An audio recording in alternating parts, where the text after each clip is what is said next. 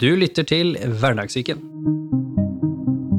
I denne episoden skal vi snakke om hvorfor det er viktig å mene noe, kanskje spesielt for fagpersoner og vi som møter på de forskjellige systemene, og hvordan vi da kan snakke om det å bedre systemet uten å få en polariserende debatt, for å sørge for at vi her til lands ikke havner bakpå, og at vi faktisk klarer nå å håndtere de store utfordringene vi har, både i barnevern og i psykisk helse. Og du skal få møte Heidi, som har nå blitt kalt både samfunnsdebattant, men også som er psykolog, og som selvfølgelig har stort engasjement og hjerte for denne saken. Dette ble en virkelig engasjerende episode, hvor det forhåpentligvis er mye spennende å ta tak i, hvor du også kan mene noe om dette. Velkommen tilbake til Hverdagssyken til alle dere som hører på. Velkommen for første gang til Hverdagssyken, men ikke for første gang til oss. Nei, jeg har vært her før. Det har du. Kan ikke du fortelle en liten historie om det, for da skjedde det noe som var litt fascinerende. Ja, vi skulle jo egentlig spille inn en eh, video om et veldig seriøst tema. Sant? Ivaretakelse av flyktninger og asylsøkere. Eh, Og så hadde jeg med meg babyen min, da. Og eh, hun var ikke så interessert i å spille inn denne videoen, men eh, så fant hun jo da armene dine og sovnet så søtt. Så der satt du og intervjuet meg om dette veldig alvorlige temaet med denne lille sovende babyen i armene dine. Det var veldig koselig. Så jeg ble veldig glad når jeg ble invitert tilbake igjen hit, men denne gangen er jeg her uten baby, da. Så det er ingen DB på fanget mitt nå. mens vi spiller. Da fikk jeg virkelig testa ADHD-ferdighetene mine, som jeg sa. Liksom ikke mist og drep ungen, for hvor gammel var den? Ja, det var tre måneder eller noe. Ja, så det var en ganske skjør liten bylt. Ja, Den var veldig snill, da. Men den sovna jo da på mitt fang, som jeg holder da med venstre hånd. Holder jeg mobilen min med høyre hånd, for jeg måtte jo liksom titte litt på noen av de spørsmålsstillingene, og se på deg, og stiller deg spørsmål. Det var multitasking på et helt nytt nivå, altså. Men hvem er nå du for en karakter? For de har bare hørt eh, fornavnet ditt og hva vi skal snakke om, så hvem er du? Ja, altså jeg er jo da psykolog, jobber eh, på Klinikk for krisepsykologi i Bergen, og har også en eh, redaktørstilling i Tidsskrift for Norsk Psykologforening, og en bistilling på Universitetet i Bergen, der jeg jobber med et emne i menneskerettigheter. Så jeg holder nå på med litt forskjellige ting, og blant annet så er jeg òg opptatt av eh, det offentlige ordskiftet, så jeg skriver en del eh, kronikker. Jeg ble faktisk titulert som samfunnsdebattant en gang på radioen. Da tenkte jeg ja, ok, nå har vi skrevet nok kronikker til å kunne være samfunnsdebattant, så da jeg trykket den tittelen til mitt bryst. så det, ja, det var derfor jeg er her i dag. Ja, og det som vi alltid lurer på og spør og graver litt om, det er hvorfor i all verden begynte du å studere psykologi in the first place? Eh, nei, det var jo eh, For å være helt ærlig, så har jeg vokst opp med en sånn liten idé om at en dag så ville jeg være barneombud. Det var en sånn drøm da jeg var barn. Eh, ja da. Jeg, og da trodde jeg at det å være barneombud, det het Trond-Viggo. At det var det det var, liksom. For han var jo barneombud. sånn at jeg ville egentlig bli Trond-Viggo. Eh, men, eh, men ønsket mitt var jo å jobbe for og med barn og unge, da. Så det er på en måte det seriøse, ærlige svaret at det har vært eh, det har vært et ønske, men jeg har jo selvfølgelig vært innom veldig mange ulike tanker om hva jeg kan bli, og jeg syns det er interessant med både juss og journalistikk, og jeg har nok hatt en periode i livet der jeg òg ville bli popstjerne og brannmann og politimann og alt dette her òg, men eh, når valget skulle tas, så var det helt klart for meg at jeg skulle ta psykologi. Hvorfor fortsatte du? Men eh, kanskje enda mer spennende spørsmål. Kommer inn i et eh, tøft emne og studie, og det er jo ikke alltid det er sånn som man ser for seg. Spesielt i studiet, så er det kanskje ikke helt sånn som man har det i hodet. Nei, det var det virkelig ikke, men det var aldri en tanke at jeg skulle gjøre noe annet. Eh, Jeg trivdes veldig godt på studiet, jeg syntes det var veldig interessant. Eh, Og det er jo òg veldig gøy å lære seg noe som er så Altså det er så allmenngyldig, på en måte. Samtidig så var det så utrolig fremmed. Sånn jeg, jeg hadde jo ingen Jeg var jo ikke i nærheten av å ha den kunnskapen, så det var utrolig spennende å lære så mye om eh, eh, menneskets fungering og mm, biologi og sant, hjernen. Dette var jo veldig, veldig gøy. Men, eh, men så var det jo òg et veldig godt miljø. Det var et eh, veldig kjekt kull å gå i, så det gjorde det jo også veldig artig å holde på med disse studiene. Så det er jo det hele tatt å være student trivdes jeg jo veldig godt med, da. Både faglig, men også sosialt. Og så mm, yrkeskarrieren din, hvordan havna du der hvor du er nå, til å bli samfunnsdebattant? ja. Ja, nei det er nok også, Det er nok faktisk litt tilfeldig, da. Jeg har alltid vært interessert i traumefeltet, og jeg har alltid vært opptatt av barn og unge. Så det har vært eh, måte, den røde tråden i alt. Eh, Sånn at eh, gjennom studietiden òg, når vi skrev semesteroppgaver og hovedoppgaven til slutt, handlet jo om traumatisering og gjerne med fokus på barn. Eh, så hadde jeg noe utveksling i Sør-Afrika på slutten der, eh, også innenfor traumatisering av barn. Og min første jobb var faktisk på et forskningsprosjekt i Tanzania om barns utvikling. Og så hadde jeg da en privat praksis i Hamar etter det igjen. På Senter for stress og traumepsykologi. Ja da. Da har du forvilla deg langt vekk fra der hvor du opprinnelig har ja, stemmen fra. Det var veldig Det var et hopp. Det, da hadde jeg jo jobbet i Tanzania eh, i et halvt år, og ville liksom tilbake til sivilisasjonen, da. Men eh, Så det var vel Egentlig var vel tanken at jeg ville til Oslo. Men så dukket denne jobbmuligheten opp i Hamar, og det var jo fantastisk. Hamar er så koselig plass. Nydelig sted, og det der perfekte, stabile innlandsklimaet. Eh, og, og, hadde veldig mye sånn uh, utbytte av uh, å få så mye klinisk erfaring, da. Da hadde vi veldig mye Veldig mange klienter om dagen, og ja, det var veldig lærerikt. Så da ble vi der i noen år, og så flyttet vi tilbake da til Bergen. Der jeg jobbet med flyktninger, igjen, traumefokuset. Men da begynte jeg òg å åpne opp øynene for hvor viktig det er å jobbe på flere arenaer. For da hadde jeg begynt å kjenne litt på at uansett hvor mange jeg møter inne på kontoret mitt, så det, det, det kommer alltid noen flere. Eh, og da fikk jeg et større ønske om å jobbe mer med forebygging og komme tidligere inn. For jeg møtte så utrolig mange voksne eh, som hadde hatt så forferdelig vonde barndommer, eh, og som skulle fått hjelp mye tidligere. Da. Og det var grunnen til at jeg begynte å jobbe med inn mot barnevern som sakkyndig. Eh, og tok etter hvert spesialisering i samfunnspsykologi. Da. Så det er det som på en måte er min sånn spesialistretning. Og så var det litt sånn tilfeldigvis at jeg havnet da på det som i dag heter Klinikk for krisepsykologi, som før et senter for krisepsykologi i Bergen, med liksom de som jeg da hadde satt opp til da, gjennom hele studietiden. Sant? Magne Raundalen og Atle Dyregrov og den gjengen der. Og så ga det meg òg et eh, faglig engasjement som strakk seg ut utover min ordinære jobb, da. Eh, og jeg kom inn i menneskerettighetsutvalget til Norsk psykologforening, og, og, litt andre utvalg, og deretter så ble det på en måte naturlig, da, å, å engasjere seg litt i samfunnsdebatten og ja, ytre seg om faglige tema og tema som var relevant for det jeg var opptatt av, da. Ja, Var du sånn som kid også? Liksom, eh, tok du kampene og var en som måte tenkte de litt sånn store bildene i form av at når du møtte noe som du følte ikke fungerte eller ikke var riktig, var du den som på en måte enten tenkte på det eller agerte på det da også, i barndommen? Jeg har nok hatt en eh, ganske sterk rettferdighetssans, og vært litt sånn opptatt av eh, at ting skal være likt og rettferdig, og kanskje mer prinsipiell enn på en måte sånn idealist, da. Um, men eh, Eh, men, men, jeg var nok ikke en altså Selv om jeg i perioder av livet har trivdes med oppmerksomhet sant? som barn, altså jeg drev med musikk og syntes det var gøy å stå på scenen, og sånn, men så hadde jeg òg en ganske lang periode der jeg helst ikke ville være synlig i det hele tatt. Så det lå absolutt ikke i kortene at jeg skulle verken begynne å skrive kronikker eller uh, dukke opp på TV eller radio. Um, og, det, og selv om jeg nå har gjort det en del, så er jo ikke det noe jeg gjør sånn uten høy puls. Eh, det, det, er jo med en eh, litt sånn eh, det, det, er et visst ubehag knytta til det fortsatt. Men det føles likevel verdt det, da. Men jeg tror at det som har vært viktig for meg både som barn og gjennom oppveksten og frem til i dag, er dette her med at Altså det ønsket om da at, at, barn og unge skal ha det godt. og at det er et ansvar som ligger hos alle.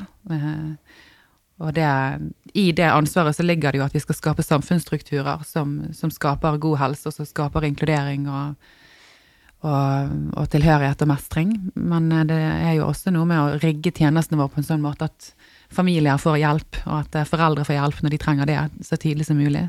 Og ikke minst at eh, barn blir beskyttet, både fra omsorgssvikt i egne hjem, men også fra urettmessig eh, og uriktig og skadelig offentlig inngripen, som også skjer. Mm. Mm. For det går jo litt kjernen i temaet i dag. Han forsto meg. Å slippe folk ordentlig inn. Følelser inneholder egentlig flere komponenter. Vi har det jo best når vi klarer å fungere godt sammen med andre mennesker. Dette er Hverdagssyken, podkasten hvor vi sammen med fageksperter og mennesker med levd erfaring tar for oss de tabubelagte temaene og psykisk helse i hverdagen. Fagpersoner må tørre å mene noe. Altså, vi alle må egentlig tørre å mene noe innimellom, eh, spør du meg, men altså fagpersoner som står litt ute i systemet. Jeg hadde noen samtaler om dette de siste dagene, så det er litt fascinerende hvordan de aligner, men de, de beste til å se systemene er jo gjerne de som er der, eller er en del av det. Så både når man møter det fra pasientsiden, eller pårørendesiden som står ved siden av pasient ofte, eller da man jobber i det. Og så er det så lett å gå rundt med den tanken, liksom en av de beste helsesystemene i verden, ikke sant, en av de beste landene i verden, en av de lykkeligste landene i verden. Det er liksom et sånt glansbilde som begynner å minne litt om det bildet som henger på tenåringsveggen min nå, som begynner å bli litt sånn slitt i kantene, på en måte. Det er fortsatt veldig mye ting vi er gode på, og hvor vi legger ned innsats, og vi har veldig fine fagfolk, det er i hvert fall mitt inntrykk. Men det er akkurat som om det er et eller annet sånn usagt, en sånn elefant i rommet over hele linja når det gjelder psykisk helse. At det er et eller annet her som vi bare ikke klarer å ta fatt ved, som gjør at vi ikke helt får dette til, da. Sånn som vi ønsker. Og jeg har liksom hatt veldig mange fagpersoner her også som har snakket og sagt at det engasjementet, den kunnskapen, det de mener er riktig og viktig, måten å gjøre ting på, er ikke mulig i det systemet de jobber. Altså nå snakker vi jo om da, det systemet hvor man ikke kan bestemme selv, da. Så der hvor man ikke er egen eh, liten praksis eller man jobber i en liten privat organisasjon, altså så med en gang det er inne i systemet, eller en større privat organisasjon for den saks skyld, så er det akkurat som om dette gjøres ikke på den måten som man tror best på. Ja da, og selv de små private praksisene også er jo fortsatt en utfordring nettopp fordi at det forutsetter jo veldig ofte at klienten må betale selv. Da er vi jo med på å skape et eh, klasseskille ofte også. Eh, nei, altså det er klart at det er, det er jo ikke kompetansen eller kunnskapen eller viljen heller det skorter på det. Men jeg tror jo du har et poeng der med liksom, hva er det som er vårt selvbilde, og hva er det som er realiteten, da. Men det er klart at veldig mye fungerer veldig bra i Norge. Eh, og jeg er opptatt av menneskerettigheter. Eh, Som sagt, jeg har sittet seks år i Norsk Psykologforening sitt menneskerettighetsutvalg. Nå har jeg gitt meg der. Men, eh, men det er klart, jeg hadde jo en tanke om at eh, og, og det er jo ikke bare en tanke, det er jo sant. Barns rettigheter f.eks. er veldig vernet i Norge. Eh, Og står veldig sterkt, og, og vi har veldig mye å være stolt over. Vi var det første landet i verden som fikk et eget barneombud. Vi fikk barneminister ti år etter. Altså det, det er ikke noe tvil om at eh, at når det gjelder f.eks. barns rettigheter, så, så er de veldig godt beskyttet i Norge. Eh, Men så begynner vi da gjerne å tro da at det står bedre til enn det gjerne gjør. Og for min del, da, som er på alle måter en, altså medlem av majoritetsgruppen, da, så, så har jo jeg aldri sånn personlig kjent at mine rettigheter har blitt utfordret. Eh, Men det stiller seg ganske annerledes Eh, Med en gang du får behov for f.eks. psykisk helsehjelp, eller du blir syk av andre årsaker, eller du tilhører en minoritet, da er det en, litt annen virkelighet. Og det var jo veldig måte sånn tankevekkende for min del da jeg jobbet eh, med, med flyktninger og begynte å engasjere meg i det. Em, for eksempel barn som opplever utvisnings... At, at foreldrene skal utvises eh, fra landet. Eh, Det er blitt fattet et utvisningsvedtak mot far eller mor, og så er det på en måte en, en unge oppi alt dette her, som er norsk statsborger og alt, sant? Som, som da kan risikere å, å oppleve det at en forelder blir sendt ut pga. et brudd på utlendingsloven, som kanskje ligger til og med 20 år tilbake i tid. sant? Um, og, og det gjorde så inntrykk å få høre fra de, da, at når de da lærer om barnekonvensjonen på skolen, så skjønner de at dette gjelder ikke for meg. Um? Og det, det gjør jo egentlig det på papiret, men opplevelsen er jo ikke sånn. Og det er det jeg sitter igjen med etter ganske mange menneskemøter etter hvert. Og nå, etter hvert som jeg har blitt litt mer synlig òg, så får jeg jo ganske mange tilbakemeldinger fra, fra andre også. F.eks. For foreldre til barn som eh, strever med å komme seg på skolen, som ikke klarer å være på skolen. Um, og de forteller jo om rettighetsbrudd, sant, som har eh, enten som blir utsatt for mobbing og ekskludering og rett og slett har et utrygt psykososialt, den, eh, psykososialt miljø på skolen av den grunn, eller som ikke får god nok tilrettelegging på skolen, sant, og dermed igjen har et utrygt eh, miljø. Sant. Det er kaotisk og forvirrende og skummelt å være på skolen, for det er ikke tilrettelagt til hva det barnet trenger. Og det å få høre de historiene fra foreldrene, og for så vidt også fra barna, det er klart at da, da demrer det jo at her er ikke, altså rettighetene er ikke sikret. Og igjen, vi har jo kunnskap, vi vet jo hva barn trenger og hva de ikke trenger, og vi vet jo hvordan vi også skal skape en god skole, tror jeg. Vi har jo kunnskap om det, men vi klarer ikke å sette det ut i livet, at kanskje ikke alle personene som jobber der, har den nødvendige kompetansen. Kanskje de ikke har ressurser til det, kanskje de ikke har tid til det. Kanskje ikke de har ledelse til det. sant? Så det kan være mange ulike årsaker, eh, men, men det er klart at hjelperne i seg selv ønsker jo selvfølgelig å yte god hjelp. Men det er ikke nødvendigvis sånn at eh, rammebetingelsene er gode nok, da. Hvis vi liksom skal trekke det litt som et større perspektiv, i form av som vi sier da, forebyggende, at vi vet hva som skal til. Vi vet også konsekvensene av å oppleve traumer i barndommen. ikke sant? Vi tuller litt med det innimellom, men det er jo en grunn til at man ofte kommer til psykologen og har denne floskelen om hva skjedde i barndommen din. Det er jo ikke bare for moro at vi tuller med det, det er jo fordi at veldig mye av de tingene vi bærer på i voksen alder, roter, eller på en måte støttes i hvert fall inn på noe som skjedde i barndommen. Så hvis du skal forklare, litt sånn, som vi gjorde nesten på videoen, hva er det som, som, er så viktig i denne barneutviklingsstadiet, sånn psykologisk sett, som gjør at liksom, konsekvensen av å feile her som samfunn er så stor? Hvorfor må vi passe på liksom, tryggheten til de første 10-15 års leveårene til barna våre? Mm. Det er jo klart at For det første så er man jo i utvikling. Eh, så det er jo eh, både altså sånn nevrobiologisk eh, sett, så er jo det en, en viktig tid i livet men man tar jo òg med seg eh, arbeidsmodeller. Altså, man, man, man, danner seg jo et filter som man ser verden gjennom. Eh, man får noen forventninger i, i relasjoner. Hva kan, jeg, hva kan jeg vente av deg? Sant? Er verden et godt sted? Vil du meg vel? Kan jeg stole på deg? Fins det mennesker jeg kan støtte meg til? Har jeg verdi? Sant? Er jeg verdifull? Er, det, er jeg verdt å elske, være glad i? Sånn, så man danner seg jo en, et, et bilde av seg selv og sin egen verdi eh, tidlig i livet, og ta det liksom, dra det med seg videre. sant? Det er ganske vanskelig å snu det da i voksen alder, hvis det har gått skeis her nå. Hvis jeg hadde et ut, som du sier, et utrygt miljø, enten hjemme eller på skolen eller rundt meg, eller begge deler, enda verre, mm. så vil min oppfatning da om at verden er et utrygt sted, den, den, vil sitte ganske hardt. Eller den samme hvis jeg ikke har verdi, hvis jeg ikke føler at jeg får plass i familien min av forskjellige grunner, om det er tilsikta eller ikke, eller det samme på skolen, sånn som jeg har snakket mye om å oppleve selv, så vil også dette lave selvverdet på en måte være ganske sånn forankra en stund. Det er, det er, en ganske stor jobb som krever hvis vi ligger bakpå med de to store blokkene her når vi er 15, da, f.eks. Ja, ja, ja. Kan, man kan dra med seg store konsekvenser gjennom livet, uten at jeg da sier at det ikke er hjelp å få, og at man ikke kan få det bedre. For det kan man jo, men det forutsetter at man kommer ut av et destruktivt miljø, og at man får nye relasjonelle erfaringer. sant? At man rett og slett får oppleve igjen og igjen og igjen at ok, jeg er Jeg har en verdi, og jeg har en plass å høre til, og jeg, jeg opplever mestring og, og trygghet likevel. Men, men, man må på en måte overskrive veldig mange negative erfaringer med, med nye positive erfaringer, for å si det litt enkelt.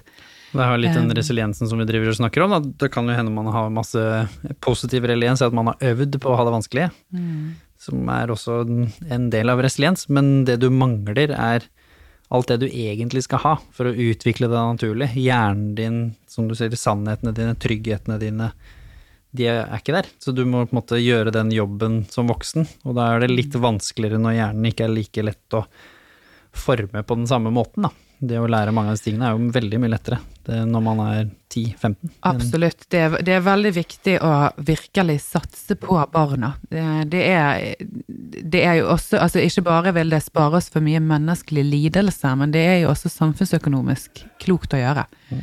Eh, og det er moralsk riktig òg, sant. Sånn at det å satse på barnehagene, satse på skolene, bygge ut eh, altså høy kompetente barnehager, og, og, og, at skolene får de ressursene som de trenger til å faktisk gjøre jobben sin. Sant? For de har jo masse plikter. Sant? Opplæringsloven og paragraf 9a da, som skal sikre det psykososiale miljøet til barneskolen. De må jo få eh, på måte, forutsetningene til å faktisk leve opp til de forventningene vi har til skolen. Hadde vi virkelig gjort det, satset på skolen og barnehagen, så ville jo dette vært de mest helsefremmende arenaene vi har. Og det kan det være, og for mange så er det også det. Men for andre så blir det veldig veldig destruktivt igjen. sant? Eh, og det å leve i utrygghet på skolen og måtte gå der hver dag. Sant? For alle skal jo på en måte på skolen. da. Noen har hjemmeskole, sant? Men, men eh, de fleste går jo på skolen. Eh, og det er klart det å være i den utryggheten over tid, det, det er jo ikke bra. sant? Og igjen, som du sier, har man det i tillegg da utrygt hjemme, og man har eh, hjelpetjenester som ikke er tilgjengelige, eller har tid til å hjelpe deg, eller kompetanse til å hjelpe deg, så, så er jo svikten i veldig, veldig mange ledd. Eh, Og jeg jobber jo mye for, med å utrede voksne som da eh, tar ut søksmål mot kommunen pga. sånn tapt barndom, da, der de ikke fikk den hjelpen de hadde hatt behov for mens de enda var barn. Og det er klart at når man da går inn i de sakene og ser på måte, lag på lag på lag med svikt og svik, så det gjør veldig inntrykk å lese. Og det er klart at de har store De lever med omkostningene i voksenlivet, da. Men, men jeg skal ikke være så dyster heller, for jeg har møtt rikelig av folk som klarer seg kjempebra. Så det er jo òg viktig å løfte frem, selvfølgelig. Men, eh, men likevel Men det er mer på det menneskelige plan, på en måte. For her syns jeg også det er litt sånn vanskelig å, å ta den diskusjonen noen ganger. Fordi vi har en tendens til å alltid si det. Ikke sant? Så sier vi jo, jo, men det går kjempebra med veldig mange. Altså, hele human aspect er jo bygd opp på at vi intervjuer mennesker som har det bedre i dag, og veldig mange av dem kan også se tilbake på den tøffe erfaringen og si den har vært med å forme den jeg er, og det ligger jo mye i utviklingsteorien i det òg. Og det, det sier jo jeg hele tiden også. Men jeg føler at hvis vi noen gang skal klare å komme til et sted hvor vi gjør noe med dette, så må vi slutte å ta med det på slutten. Altså Vi må ta det med som en del av perspektivet. men Vi må ikke liksom ta det med med å si jo, jo, men det går jo bra med de fleste av de. Jo da, ikke sant. Og som du sier, eh, veldig mange skoler er bra. Det er jo helt riktig. Men det er altfor vilkårlig. Det er fordi rektoren er god, det er fordi læreren er ekstra engasjert og strekker seg og jobber mer enn det de burde gjøre. Det samme liksom de DPS-ene som er ekstra bra. Jo, kanskje det er en ildsjel, fantastisk ledelse, gode kollegaer, kanskje de har litt romsligere budsjett igjen, kanskje noen strekker seg og jobber litt mer enn det de burde gjøre. Altså, det er sjelden du hører at noe fungerer inni ramma. Hvor ingen har strekt seg ekstra, eller gjort noe mer enn det som man burde ha gjort. Og da føler er jeg at systemet Da er det jo noe gærent med systemet, hvis det alltid skal være en ildsjel som brenner seg ut for å fikse noe som Det blir sånn som å lappe noe som egentlig ikke, ikke er solid, da. Er det kanskje derfor vi også går og tror at ting er litt bedre enn det er? At vi liksom har mange flotte ildsjeler som driver og lapper sammen, hvis vi liksom i gåstein skal kalle det skolesystemer og tverrfaglig samarbeid og ting som kanskje ikke egentlig funker så godt som vi skal ha det noen ganger. Ja, nei, altså, for det er jo et, et tankekors, sant? at vi av og til må faktisk ta inn over oss at eh, det, dette virker på tross av, ikke på grunn av systemene våre. Da. For jeg kjenner òg veldig igjen det der at, eh, at ofte så er det noen som har strukket seg veldig langt, og at det blir veldig personavhengig, da. Eh, og òg at vi har noen tanker om at dette skal passe for alle. Sant? Så skolen eh, skal være et sted der alle skal høre til og oppleve mestring, sant? Men, men så klarer vi ikke å romme det mangfoldet. Fordi at elevgruppen er ikke sånn, barn er ikke sånn. Det finnes masse forskjellige typer barn. Og så har vi et normalitetsspenn, og så har vi de som faller utenfor det, og da setter vi merkelapper i form av diagnoser på de, og, og det vil noen ganger være riktig å gjøre. Andre ganger til og med viktig å gjøre, for det kan også gjøre at vi innretter hjelpen og tilretteleggingen på en annen måte enn vi ellers ville gjort. Sant? Det er ikke alltid så bra med de barna som går igjennom mange år uten å få en utredning og få en diagnose, sånn at omgivelsene faktisk forstår hva det er snakk om. Mens andre ganger igjen så blir man bare gående og lete etter diagnoser, og så gjør vi faktisk egentlig ingenting med hverdagen. sant? Så, så det er klart at vi Og, og, og disse sant? Nå er det mye diskusjoner om eh, spesialisthelsetjenesten eh, som ikke har helt eh, kapasitet, og som ikke eh, er så godt posisjonert alltid da, til å kunne hjelpe. Og, og det er jo ikke bare negativt for brukerne og deres pårørende, det er jo også en vanvittig slitasje for hjelperne selv. Sant? Så vi har jo en flukt fra spesialisthelsetjenesten nå innenfor mitt fagfelt, sant? og, og det, det er jo veldig alvorlig. Og så er det jo jo det litt jo- for seint igjen, da. Igjen så sitter vi jo da og diskuterer liksom bølgen. Vi diskuterer liksom, ja, Spesialisthelsetjenesten er utrolig viktig, og vi må rydde opp. Vi må rydde opp på skolen, vi må rydde opp på institusjonene. Men de får også veldig, veldig mye plass i det samfunnsbildet som er igjen lappe sammen, da, på en måte, i min verden. Igjen, vi må klare å ha to tanker i huet samtidig. Så vi må klare å fikse det som spesialisthelsetjenesten trenger, institusjonene trenger, og de som tar seg av de på en måte som sliter mest. Men det er jo toppen av isfjellet her. Sånn, vi startet jo i skolen, som er på en måte, jeg tror det, er de fleste av oss som snakker om psykisk helse, er vel enige om at liksom skolen er et sted man må begynne, hvis man skal begynne med forebygging. Reelt sett barnehagen. Mm. Eller helsestasjonen. Altså egentlig Absolutt. allerede når foreldrene Før de får barn, barn. sant? ja. Altså helsestasjoner og Så hvordan, hvordan liksom hvordan skal vi ta fatt i dette her, da, hvis vi skal liksom se på det sånn fra kulturperspektiv, som vi sier? Vi virker som de fleste av oss er enige at det er mye ildsjeler der ute. Det er mye gode mennesker. Det er egentlig kanskje ikke der problemet ligger, for det er jo den første ting man ville pekt på. Bare som er en ukultur her, på en måte, på den biten, men det virker ikke sånn. Men det er sånn to ting som har stikket seg litt fram når jeg snakker med ganske mange fagpersoner. Den ene er at det virker som det er vanskelig å peke på noe som man selv mener er galt i systemet, som man har lyst til å gjøre noe med. Altså hvis man som enkeltindivid sier dette funker jo ikke, ikke sant? nå har vi gjort dette her i et år. Altså, nei, det må vi gjøre noe med. Så er det akkurat som om det funker veldig dårlig å klare å gjøre noe med det. Så til slutt så gir man opp, som er du liksom inne på. Det, man blir litt brent ut, man flykter. For det er sånn, det gidder jeg ikke å være med på. Nå har jeg sagt det samme i to år. Jeg sitter ikke her som fagperson og gjør noe som jeg mener per definisjon kanskje ikke er den beste måten å gjøre det på. Uten at jeg sier at det er dårlig, for det er mye, det er mye fantastisk hjelp, men inni hodet sitt så tror de at de kunne ha gjort det på en hakket varmere måte, eller hakket mer faglig riktig måte, og så bare er det ikke plass til det. Det er liksom det ene problemet, og på den andre siden så er det litt det som jeg sier, at vi kanskje snakker om to forskjellige ting som ikke er den samme tingen i samme boks. Psykisk helse er liksom både institusjonen og spesialisthelsetjenesten og forebygging. Nå er det egentlig til og med to forskjellige studieretninger, disse to tingene. Som du sier, altså du har jo tatt spesialist i det som er samfunnspsykologi. Det er jo mer forebyggende, de store linjene. Mens en kliniker Hvorfor skal en kliniker med 20 års erfaring sitte og mene noe om forebygging? Det er veldig rart, sånn i fagfeltet. Men det er de som blir spurt. Ikke samfunnspsykologen så ofte, da, ser man når du ser hvem som er samfunnsdebattantene. Ja, men jeg tror, nå fikk jeg veldig mange tanker i hodet her, eh, så nå får vi se om jeg klarer å sortere dette. da. Men jeg tror en, en utfordring som jeg eh, har grublet på, eh, og det er nok òg litt av grunnen til at jeg nå er litt opptatt av å også legge til at det går jo faktisk bra med veldig mange, det er fordi det har, det har utviklet seg en slags diskurs i samfunnet vårt nå, der vi er ekstremt fokusert på hvor galt det går med hele gjengen. Sant? At nå, Det har aldri stått dårligere til med den psykiske helsen, sant? og det går nedover med oss hele gjengen. Og det er jo faktisk Det er ikke sant. Eh, men vi har et språk nå som, eh, som, som gjør at vi, vi skaper på en måte et, en offentlig samtale som peiler seg veldig inn på uhelse. Eh, og det, problemet med det er jo at vi klarer ikke snakke om den gruppen som faktisk virkelig trenger hjelp. Eh, på en god måte. Sant? For vi må klare å formidle det alvoret som gjelder den gruppen som faktisk har det veldig gale. eh, Og som virkelig trenger noe helt annet enn det de får i dag. Men vi må klare å løsrive det fra på en måte folkehelseperspektivet. sant? Eh, Er ikke så det litt kjernen i det som jeg sier nå, på en måte? Mm, den ene det det biten, det er psykisk uhelse dette her, for det er denne gjengen som kommer til å havne i spesialisthelsetjenesten, noen av de, hvis vi ikke tar tak i det nå, med lavterskeltilbud og de tusen andre buzzordene.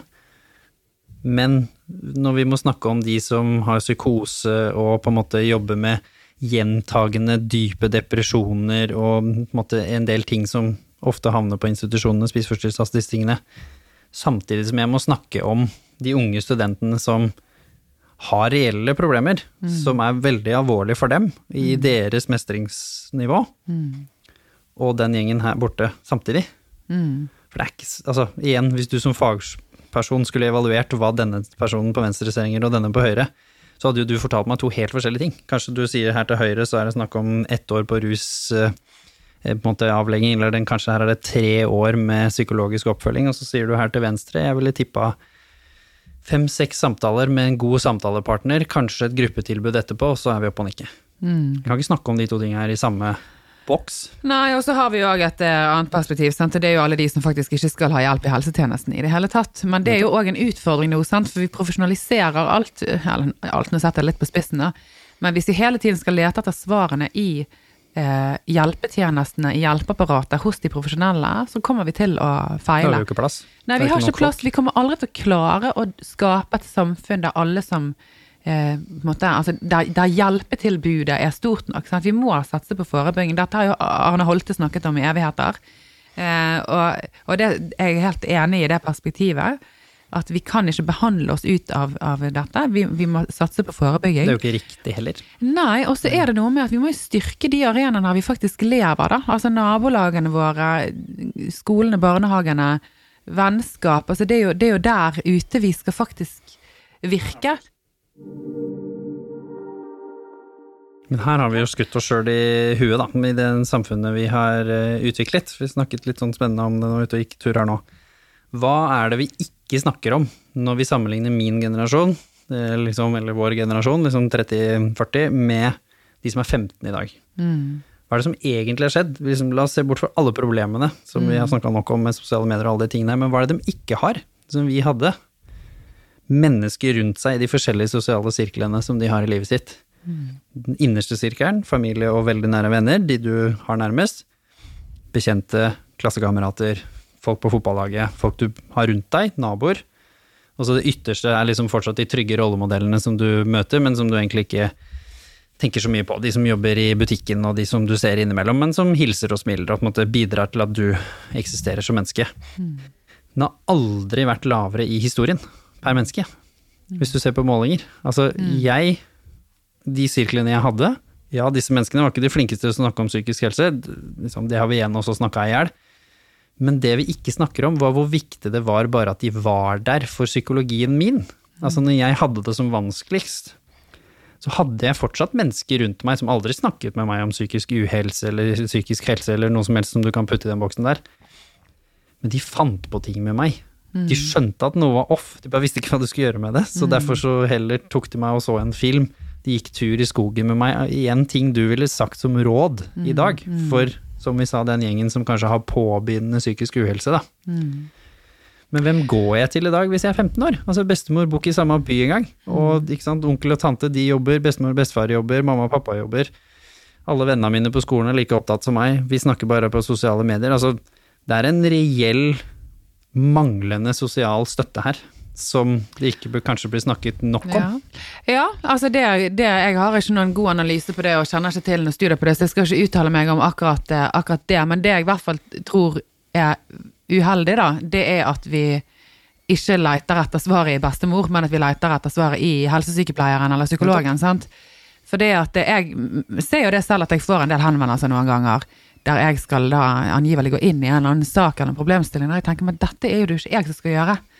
Dette er det jo mammaen eller pappaen eller naboen eller læreren eller rektoren eller lederen på jobben eller kollegaen. Sant? Så det, er ikke, det er ikke et mål å hente inn en ekstern fremmed psykolog hele tiden. Men hvor har vi det fra? Hvorfor er vi så redd for ja, det? hvorfor har det blitt sånn? Det, er- og der tenker jeg vi har masse å lære av andre kulturer òg. Det har jo jeg syntes har hatt det veldig fint når jeg har jobbet inn i den type saker, sant? med nyankomne familier, sant? Som, som opplever det som veldig fremmed at det skal komme masse ja, fremmede folk og mene og veilede og utrede og notere og sånt. Mens det som kanskje ville vært mye mer naturlig, er å koble på nabolaget og en annen familie og sånt. Så der eh, tror jeg jo at vi har litt å, lære. Men det er interessant at vi, vi jobber jo faktisk sånn i krisefeltet, da, altså innenfor krisepsykologi når, når en krise rammer. Så er det jo ofte sånn at det kommer eh, nettopp personer i nettverket da, som kobler seg på og, og ønsker å bidra. Sånn. Så vi, ser, vi vet jo absolutt verdien av det, men jeg tror kanskje vi har eh, eh, Og jeg tror det handler litt om hvordan vi snakker om dette her òg. Og det, den retorikken utviklet seg veldig i pandemien. Jeg syns også den var veldig fremtredende under lærerstreiken, som gjorde at jeg og en kollega, Ole Jakob Madsen, skrev en kronikk om eh, at eh, altså det er en uansvarlig retorikk om sårbare barn. Sant? For dette blir en hvis vi, skal, hvis vi overdriver og trekker det ut av proporsjoner og, og ikke har litt edruelighet i måten vi snakker om alvorlige temaer på, så, så gjør vi oss selv en bjørnetjeneste òg. For da får vi heller ikke klart å innrette hjelpen på en god måte til de som faktisk trenger det. Og så øker det jo presset på helsetjenestene òg, for vi begynner å henvise saker som ikke hører hjemme der i det hele tatt. Og det ser jeg òg innenfor barnevernsfeltet. sant? Um, utrolig mange saker skyves over på barnevernstjenesten som ikke hører hjemme der i det hele tatt. Men fordi at det er kanskje vanskelig, det er krevende, man har ikke selv ressurser i den tjenesten, eller har ikke kompetanse, eller den og den er sykemeldt, eller vi har ikke de ressursene man trenger. Sant? Og så sender man saken helt urettmessig over på barnevernstjenesten istedenfor. Det Det er jo slitasje for barnevernet òg, det, og det er òg en stor belastning for familiene. Jeg og Lars eh, satt jo og koste oss eh, og snakket om eh, systemet og hvordan vi ville det skulle være hvis alt fungerte. Men er det ikke her liksom tverrfaglighet kommer inn, og tverrfaglig samarbeid? Altså istedenfor at saken skal skyves over på barnevernet, så er det noe man kan ringe for å på en måte få den biten av saken som jeg eller vi føler vi ikke klarer å håndtere, og få råd på den. Og si, hvor du sier her anbefaler vi dette, at du tar kontakt med det nærmeste systemet. Ja, men hva kanskje hvis det var en sosionom inne her, for her ser det ut som det er det som er utfordring. Ja, nei, her ville jeg rådført og kanskje hatt en psykolog inne. Men kanskje ikke mer enn et, en vurdering. Og så var det det hele, istedenfor at nå er saken hos barnevernet, som du sier, eller nå er saken plutselig hos BUP. Men egentlig så var dette en sak som kunne vært håndtert av skolen selv, bare for å liksom komme med et eksempel, da. Ja, ja. Ja, men det er et godt eksempel, det, for det er jo ofte det vi ser òg. At eh, skolene, og noen ganger også i god hensikt, sant, sender ballen videre til barnevernstjenesten. Eh, Men problemet er jo da hvis man da har sendt en bekymringsmelding uten samtykke fra foreldrene, og, sant, så har man jo faktisk begått et ganske alvorlig overtramp, for da er taushetsplikten brutt. Så sant ikke det foreligger grunn til å tro at det er alvorlig omsorgssvikt, så klart.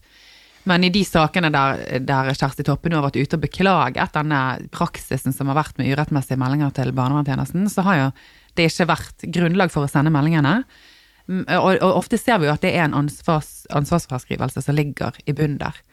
Og utfordringen med alt som heter samhandling, er jo nettopp det. Hvem er det som faktisk har ansvaret, og klarer vi å koordinere hjelpen og ha god ledelse i dette, eller blir det mange kokker og mye søl? Så det er ikke alltid Altså, jeg er veldig for samhandling og tverrfaglighet, men det må være et faglig eh, fundament for hvorfor vi gjør det på den måten. Og noen ganger så er det ikke riktig å skyve ballen over til verken BUP eller barnevernet. Eh, og noen ganger bør saken komme tilbake igjen. Og det vet jo noen barnevernstjenester også gjør. Sier at dette her kan ikke vi gjøre, dette må skolen gjøre. Og så er det tilbake igjen, vær så god, lykke til. Og så får heller skolen lete etter ressurser eller kompetanse et annet sted. Så, men men hvis jeg peilet litt over på eh, en annen tanke som jeg fikk eh, for lenge siden, er det jo blitt nå, da. Men eh, tidligere i vår samtale. Så jeg tror jo òg at det er et problem at ikke vi klarer å snakke ærlig om de utfordringene som finnes. Um, for du spurte jo sånn hvorfor må vi alltid legge til at ja, men det går jo så bra. For jeg merker at det, det har jeg nesten bare begynt å automatisere nå. For hvis jeg f.eks. uttaler meg kritisk om barnevernet, og det gjør jeg jo en gang, en gang iblant, så får jeg jo gjerne den tilbake igjen at ja, men de, de gjør jo så mye bra òg. Eh, og, og det gjør de jo, sant? Men, gjør de eh, det pga. systemet, eller gjør de det fordi det er bra folk der? Jeg tror svaret ofte er det det siste. At Ja, vi maskerer den si. systemfeilen med at det er jo selvfølgelig dritflinke folk både i Nav og i barnevernet og på skolen og i BUP og på DPS og overalt. Det er jo flotte mennesker overalt. Flotte mennesker Ja kan få til hva som helst med dårlige verktøy. Ikke sant? Du som ikke for å stereotype, men du som sa at du jobbet i Tanzania, og jeg jobbet for Leger uten grenser, hvor man i utgangspunktet ikke har de samme ressursene. Men fordi du hadde fantastisk engasjerte mennesker, løsningsorienterte folk, og fascinerende, lite byråkrati, men allikevel rammer. Fortsatt veldig strenge rammer. Det er jo en eh, medisinsk legeorganisasjon, kanskje verdens beste. Men vi fikk jo til mer enn vi gjør her hjemme, og det er det jo mange av de som kommer fra helsetjenesten som sier etter å ha jobbet for Leger uten grenser og de tingene også. Det er derfor de gjør det, fordi de føler endelig at de får litt utløp for sånn de ville ha gjort ja, ting. Det er veldig fortvilende for mange hjelpere å føle at de ikke kan bruke sin kompetanse og bruke seg selv på den måten som, som de ønsker, og som var litt av bakgrunnen for at de tok den utdannelsen eller tok den jobben. Da. Mm. Um, Så er det de systemene vi må titte på, da, og tørre å titte på de uten å si jo da, men det er mange som klarer seg. Ja ja, vi er jo mennesker, vi er jo resiliente, vi er jo en overlevelsesdyktig art, så det er klart vi klarer oss. Men kunne vi ha unngått det, som du sier, mye av dette her? Svaret er jo ja. Og spesielt Ja, og- da med sårbare grupper, da. Som barn, unge, flyktninger, som du sier. Her har vi jo forutinntatt. Det er en grunn til at vi trekker forskning og sier det som jeg sa i stad, da. Opplever du de to blokkene som dårlig utviklet innen du er 15, så vet vi at statistikken tilsier at du nå med høyere sannsynlighet vil kunne havne i en møkkapol av masse drit.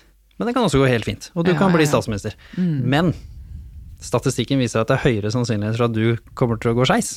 Da må vi jo gjøre ja, noe Vi med det. må jo tåle å snakke om risiko på gruppenivå, selv om enkeltindivider eh, ikke selvfølgelig representeres av gruppefunn. Så det, jeg er helt enig i det, og jeg tror òg at vi må klare å se på systemene våre. Jeg tror at en veldig negativ trend nå er at vi prøver å eh, strømlinjeforme alt, da. Vi lager sjekklister, vi lager manualer, og vi skal, alt skal være mulig å telle. Hvis det ikke finnes det ikke.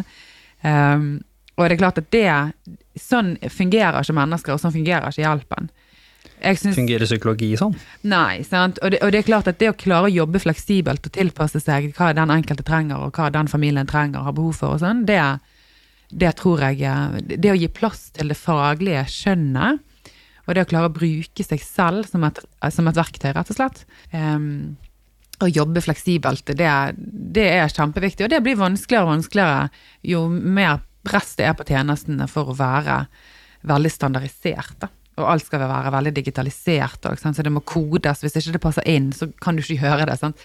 Så det, så det er klart det er noen negative utviklingstrekk, tror jeg, da, selv om jeg kan òg skjønne rasjonale bak mye av dette her. Sant? Man ønsker å sikre, kvalitetssikre det på et eller annet vis, men jeg tror pendler har en tendens til å svinge litt for langt i en retning, eh, og så er den der litt, og så peiler den altfor langt andre veien.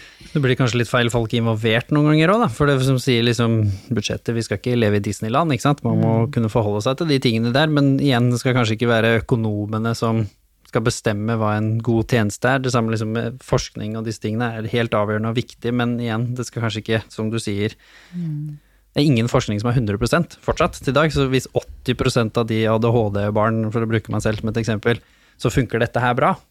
Hva da med de 20 andre? ikke sant? Så hvis ikke vi gir behandleren rom til å oppdage hvem som kanskje denne standardiserte behandlingsmetodikken ikke funker på, og det ikke fins rom til å si det funker faktisk ikke, nå har jeg prøvd. Nå må vi gå hit, eller så kommer jeg til å hende hos deg med en sak om jeg ble feilbehandlet og feildiagnostisert og ABC. Ja, ja og så gir man jo lettere opp, sant? for man har ikke mer man kan gjøre. Sant? For man, har ikke, man er ikke vant med å jobbe på den måten, eller har ikke rom til å jobbe på den måten. Der, og da gir man, man jo opp da de resterende. Nå Nå han, setter jeg litt på spissen, da. Men jeg tror at dette her er um, Dette med å faktisk klare å ha en ærlig samtale om at ah, dette får vi ikke helt til. Eh, Det er veldig vanskelig å ha, da. Sånn apropos dette her med at fagfolk må tørre å mene. Det er ikke bare lett, det, skjønner du. For at eh, em, Må innrømme at vi tar feil. ja, det er noe litt sånn smertefullt de tar inn over seg at dette klarer vi ikke helt, selv om intensjonene er aldri så gode. Og så forutsetter det òg at vi, vi må både se på oss selv som hjelpere. Kan det hende at jeg gjør en feil? Kan det hende at det jeg gjorde nå ikke var riktig? Kan det hende at jeg har noen mangler, eller er det noe jeg ikke ser eller ikke forstår?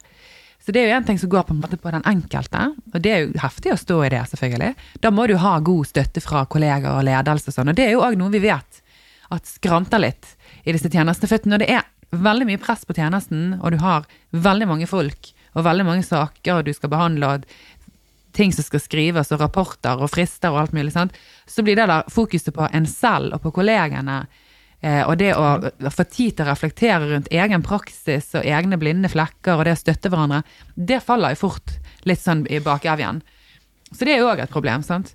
Det hadde kanskje vært noe av motivasjonen til mange som jobber der òg. Jeg har jo hørt at mange syns det er kjempespennende å jobbe steder, for det er litt morsomt fordi det er noen som bruker denne podkasten til å ha faglige samtaler på jobb. Så det er derfor jeg på en måte fått litt innsikt i hvordan de gjør det, noen konkrete ting. Da, med å bruke f.eks. dette her hvor vi hjelper de litt på vei til å snakke om et tema, f.eks. Og det er jo noe som veldig mange syns er spennende, og jeg hører de også sier at da i den timen de sitter rett etterpå og skal utføre behandling, så har de tatt med seg et eller annet fra noen kolleger, eller fra en diskusjon, eller liksom en, en helt annen sånn dynamikk. Og hvis du fjerner det elementet fra en enhet som i utgangspunktet står kanskje i den tøffeste utfordringen som finnes, mennesket. Som du sier, det er ikke noe boks her, det er ikke noe knekt legg er lik, og så blir det bra. Det er relativt eh, åpent, stort sett, og komplekst, da. Hvis man da fjerner det ene elementet som skaper kontinuerlig utvikling, og kanskje hovedmotivasjonen også, til de menneskene som utfører denne hjelpen, det er ikke så veldig rart at veldig mange beskriver at de møter mennesker som kanskje ikke har den gløden som de tror de har, og hvor de kanskje opplever en sånn rar energi med at ja, det er et eller annet som måtte, behandleren min ikke sier, eller ikke gjør, eller ikke kan gjøre. Det er jo veldig synd, for det liksom, svaret ligger jo rett foran nesa vår, men vi klarer på en måte ikke å gjøre det. Mm. Ja, og jeg tror jo at det, at det er veldig negativt for både brukerne og tjenestene, og ikke minst eh, fagpersonene selv, at man eh, ikke satser nok på å ivareta de ansatte selv. For det, er ikke, det handler ikke bare om hvilken metode du bruker og hvilken terapi du gir. Det handler jo også om hvordan du har det med deg selv, og hvordan du har det med de du jobber sammen med hver eneste dag. Dere er mennesker, dere det-. Psykologer. Ja. Dere- Og jeg syns jo det er interessant, for da jeg skulle spesialisere meg, eksempel, eller da jeg begynte å jobbe som psykolog, så fikk jeg jo to timer veiledning i uken. Sant? Jeg kunne få det individuelt, jeg kunne få det i gruppe, og med gruppe så mener man altså maks fire personer. Og I tillegg til det der ukentlig veiledning, så hadde jeg jo som en del av samfunnsspesialiteten en hel dag i måneden med en gruppe, igjen maks fire personer med en veldig erfaren spesialist som skulle veilede. sant? Bøttevis med veiledning og støtte, og det er nyttig faglig sett, men også personlig. Og så kan du da eh, ta et hopp til en annen faggruppe som jeg er opptatt av, nemlig ansatte i barnevernet. De, har, de får ikke mye av det, de, vet du. Og, og, det er jo kjempealvorlig, for de står jo i et veldig krevende fagfelt med veldig store forventninger til hva de skal gjøre. Tøffe historier. Mandatet deres er jo helt Ja, det er ganske uklart, egentlig, hva mandatet deres faktisk er. Um, og, og, de skal være både hjelpeinstans og kontrollør, og de skal sitte i retten og i nemnda. Altså de, de skal spenne over et ekstremt komplisert felt. Og så har de veldig mange saker per hode. Og så er det ikke tid til veiledning eller faglig og personlig støtte. Og så står det ganske tøffe ting som de tar med seg hjem. sant? Vi er bare mennesker, eh, alle sammen. Absolutt. Og det, så, og, så, det går jo på bekostning av de. Det er jo veldig stor turnover i barnevernet. Sant? De, klar, de makter ikke å stå i det over tid. Det er veldig negativt for tjenesten, for da får man ikke bygget opp nok kompetanse som man da kan overføre til de nye som kommer inn. Eh, og ikke minst så blir det veldig utrygt for barna og familiene, som hele tiden må forholde seg til nye folk. Um, og jeg har jo fått noen henvendelser av og til fra uh, aktører som ønsker at jeg skal veilede. Og da husker jeg det var et forslag til veiledningsintervaller. da. Hva var det det var? Det var en og en halv time annenhver måned i en gruppe på uh, var det ti personer. Og, og, da måtte jeg bare høflig svare at men det der er jo faktisk ikke veiledning. Det der er bare et vilkårlig møte som settes opp en gang iblant. Det er liksom typisk igjen plastring, da, som jeg sa. Da ja, det blir det igjen denne her, ja, vi har Intensjonen veiledning. er god, men nå skal vi bare si at vi gjør ja, Det, det, blir veiledning for galleriet, da, og det, det, hadde jo ikke jeg lyst til å være med på. Sant? For det skal jo være et visst omfang og en varighet, og altså, det skal gjøres på en faglig god måte hvis man skal få noe utbytte av det. Sant? Så det å satse på, på menneskene som jobber i tjenestene, det er viktig. Men i tillegg så må vi jo klare da, å se på systemene våre og ta inn over oss at dette, dette er ikke optimalt. Eh, og det mener jeg jo også med eh, Nå jobber jo ikke jeg så mye innenfor psykisk helsevern, eller det vil si jeg jobber ikke i psykisk helsevern, men jeg registrerer jo debattene og diskusjonene som er, og jeg noterer meg at det er krevende for mange. Og nå kom det jo også i novemberutgaven av Tidsskrift for Norsk Psykologforening, så er det jo òg en veldig viktig tekst med unge psykologer som har gjort en kartlegging, og de ser at det er veldig mange som ikke orker. Altså, de ønsker ikke å være en del av det. De ser ikke for seg en karriere som psykolog. Sant? Det er veldig alvorlig at vi mister de unge fordi at de forventer da, eller opplever at arbeidsmarkedet de skal inn i, er så heftig. Men jeg er jo ikke så bevandret akkurat innenfor det feltet, men innenfor barnevern så er det jo veldig vanskelig å ha en diskusjon om systemet. Nettopp fordi at hvis jeg uttrykker meg kritisk til barnevernet, så er det jo barnevernet som system jeg er kritisk til. Jeg er ikke kritisk til de ansatte. Og så kan det godt hende det finnes en og annen der også, sånn som det gjør blant psykologer. Selvfølgelig gjør det det. Og jeg har jo òg eh, kjennskap til noen saker der jeg tenker at det er også et holdningsproblem eh, blant enkelte. Men, men men jeg er mer opptatt av systemet. Er det godt nok? Har vi nok kontroll med makten? Klarer vi denne dobbeltrollen som barnevernet skal ha, med å både være hjelper, men også ha denne myndigheten til å fremme sak og tvangsinngrep i en familie, og fremme en sak som går til selv om nemnda og, og, og domstolene som har det siste ordet, så er det jo likevel barnevernstjenesten som fremmer saken. Sant? Har vi nok kontroll med makten? Har vi gode nok rammer? Gir vi nok kompetanse eh, til de menneskene som skal gjøre det vi forventer at de skal gjøre. Har vi klart å definere mandatet deres godt nok? Jeg syns jo ikke det. Det er en ganske stor diskusjon, vi skal ikke ta den her, men problemet er jo at det går ikke an å ta den i det hele tatt. Fordi at eh, jeg opplever jo at det, spesielt kanskje innenfor barnevernsdiskusjoner, da, så blir man jo fort som, som kritiker satt på som nettopp det. Barnevernsmotstander. Barnevernskritiker. Det er jo samme med Nav, det er samme med psykisk helsesystemet. Det, det er jo det samme overalt. Ja, men jeg syns ikke det er helt det samme, nemlig. For det at eh, jeg tror at du kan gå ganske mye lenger. Det er mer stuerent å kritisere psykisk helsevern og Nav og politiet eller andre institusjoner med mye makt. Men kritiserer du barnevernet, så, så skjer det noe annet. Og det nok litt, handler nok om at det, er, det gjelder barn. Og, og, en annen ting er at det er så ufattelig godt ment veldig mye. sant? Grunntanken er jo at man skal beskytte barn Man skal hjelpe barn, man skal, man skal hjelpe familier. Oftest er jo det å hjelpe barn å hjelpe en familie.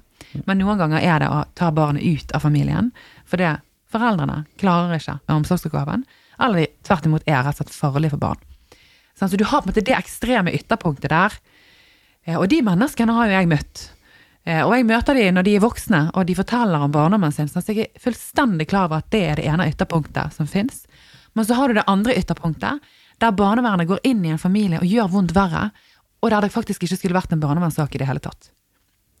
Jeg har opplevd saker der det har blitt bedre av at barnevernstjenesten trakk seg ut. Sant? Sånn har, og, og, så har du alt midt imellom det. Sant? Så det spennet er helt ekstremt. Eh, og det er kjempevanskelig å diskutere dette her, for dette blir eh, fort en, en tanke om at ja, men hva med de barna som lider under foreldrenes omsorg? Sant? Men er det litt sånn typisk for dagens samfunnsdebattområde at det er ikke mulig å diskutere noe hvis ikke du er høyre eller venstre? Altså fordi Det blir så ekstremt, ja, jeg tror Det det. er Det det er, problemet er. veldig vanskelig å være uenig for tiden. Eh, og, og jeg prøver å tenke med meg selv, for jeg blir jo òg mer ekstrem hvis jeg føler at ingen hører. Så blir jo jeg òg mer spissformulert, sant. Og for å få plass i dagens mediebilde, Ja, ja, ja. så hiver man jo gjerne, og så godkjenner man kanskje da at journalisten sender ja, kan jeg ha dette som overskrift, og så er du litt sånn inn i magen, så er det bare sånn Det er ganske langt unna kjernen av det jeg snakker om, men så tenker du sånn ok, greit. Ikke sant, fordi Ja, du skjønner at du kommer til å få oppmerksomhet. debattformatet er jo sånn i sin natur, sant. At det skal være to stykker som er uenige, og så skal vi på en måte sitte og kaste Men det på utsagn mot det var jo sånn før òg, men da minutter. lytta man jo bitte litt til grunn Man liksom gikk litt ned i grunntanken, som er sånn ok, nummer én her, du, du vil ikke Ja. fjerne barnevernet. Og så var du litt sånn ja, Jimmy, nei, og du vil ikke at barnevernet skal handle alle familier, styre alle familier i Norge. Ok, greit, da er vi i hvert fall enige om det. Så lever vi litt, og så går vi sånn, hva er det vi egentlig mener? Mm. Og så finner vi ut av kjernen, mens nå er det akkurat som om at du ser på meg som han som vil på en måte legge ned hele psykisk helsevern, og jeg skulle sett på deg som mener at det er bare bestemødre og sosionomer som skal ta over hele psykisk helse. For det er jo ingen av disse tingene vi egentlig mener. De fleste engasjerte mennesker mener ikke ytterpunktene. De fleste engasjerte Nei, mener jo et eller annet i midten. Men det virker ikke sånn. Som regel gjør man jo det. Og så er det jo òg et legitimt eh, standpunkt å ville legge ned hele greien, da. Altså, for det må man jo også få lov til å mene. At vet du hva, vi har prøvd psykisk helsevern, vi får det ikke til.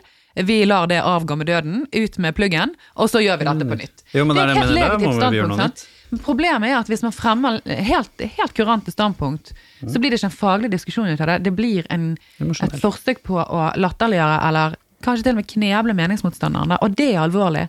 Og det må jeg nesten si noe om, fordi at eh, ja, vi må, for hele måte, overskriften her i dag er jo på en måte vi, vi må tørre å mene. Så det ligger på en måte implisitt i det utsagnet ligger det jo òg noe, en eller annen forståelse av at det kommer med en viss kostnad å mene noe. Og det gjør det jo. Og jeg tenker ikke på den kostnaden som ligger i at folk skriver i kommentarfeltet at jeg er en idiot. For det er helt greit. Det er ikke så gøy. Jeg prøver å venne meg til det. Det preller ikke sånn helt av. Jeg syns det er ubehagelig at folk syns jeg er helt dust, og at jeg er helt sløkket. Altså det? Men, men greit, det kan jeg på en måte venne meg til. Um, men det jeg syns er mer vanskelig, er jo at man da blir diskreditert som fagperson. For det, er ikke så lenge siden jeg satt og hørte på et lydopptak eh, fra, eh, barnevern, altså fra et barnevernskontor, der jeg ble omtalt som en barnevernsmotstander. Og det, jeg kan ikke akseptere det, for det kjenner jeg meg for det første ikke igjen i. Og det at jeg kritiserer et system med så mye makt, betyr ikke at jeg ikke kan være en fagperson man kan ta seriøst, eller at jeg kan være en støttespiller for en familie som ber om at jeg skal hjelpe dem. Sant? Så det er noe med at det må være mulig å fremme systemkritikk uten å bli kneblet. Det burde jo vært velkommen igjen i et samfunn det. som videreutvikler seg hele tiden. Ikke Så burde sant? man jo heller sagt ok, men hva gjør vi da? Ikke sant? Men det er jo det som er problemet. For det vet jeg jo òg, at det er i noen sammenhenger der det har vært ønske om å oppnevne meg som sakkyndig i noen saker, så nei, så er det noen som ikke vil det, for at jeg er kritisk. Kritikken. Og det er klart at det er jo et rettssikkerhetsproblem etter hvert. For dette her er jo ikke unikt for meg, dette får jeg høre fra ganske mange.